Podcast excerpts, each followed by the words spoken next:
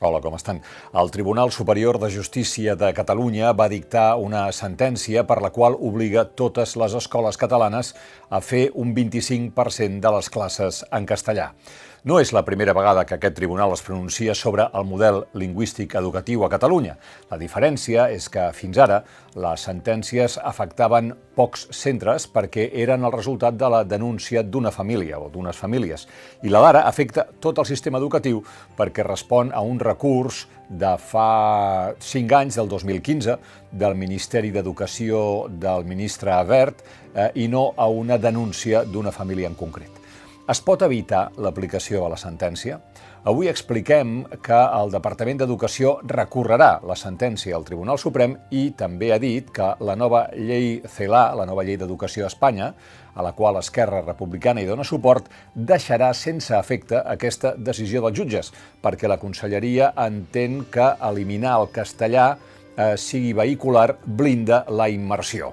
Ara bé, això no està gens clar, perquè partits com el PP, Ciutadans o Vox ja han dit que portaran la llei espanyola, la nova llei d'educació, als tribunals i perquè al final el més rellevant no és tant què diu la llei, sinó l'aplicació del model als centres. I hi ha molts punts del país on la realitat social porta a un ús més gran del castellà també a les escoles. Què canviaria a la pràctica?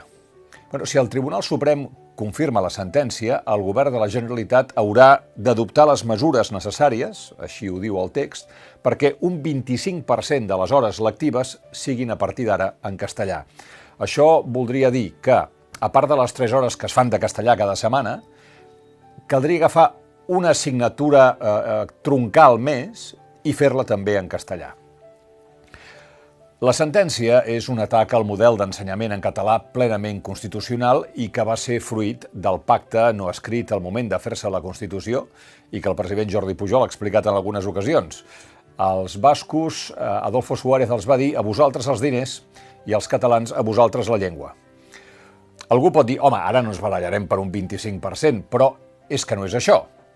La sentència ignora que els objectius i el resultat de l'ensenyament a Catalunya és que eh, tots els alumnes que acabin l'ensenyament obligatori ho facin dominar les dues llengües, cosa que, quan no s'aconsegueix, és perquè l'alumne viu en un entorn tan fortament castellanoparlant eh, que quan acaba l'escola la llengua que no domina, si hi ha alguna que no domina, és el català. I això ho sabem tots.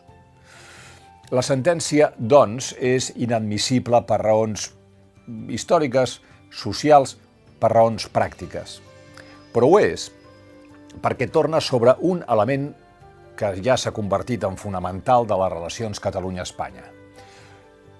Hi ha partits, el, el, el discurs que emana del nervi de l'Estat és que eh, s'ha d'anar repetint que Catalunya és Espanya i que el castellà, perdó, i que el català és una llengua espanyola però a l'hora de la veritat la tracten com si fos una llengua estrangera que impedeix la plena realització del somni castellanocèntric.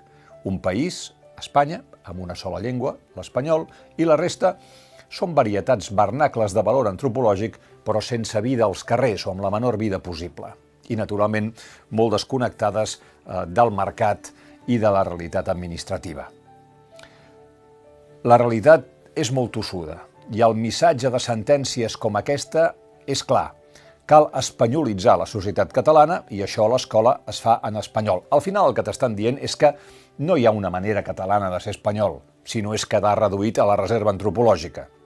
I per tant, es fa el doble discurs el van sentir l'altre dia, el president Pedro Sánchez dient allò de tenim un rei que parla català eh, i la seva hereva el parla, a més a més, eh, gairebé com una nadiua, però a l'hora de la veritat l'Estat emet sentències com aquesta.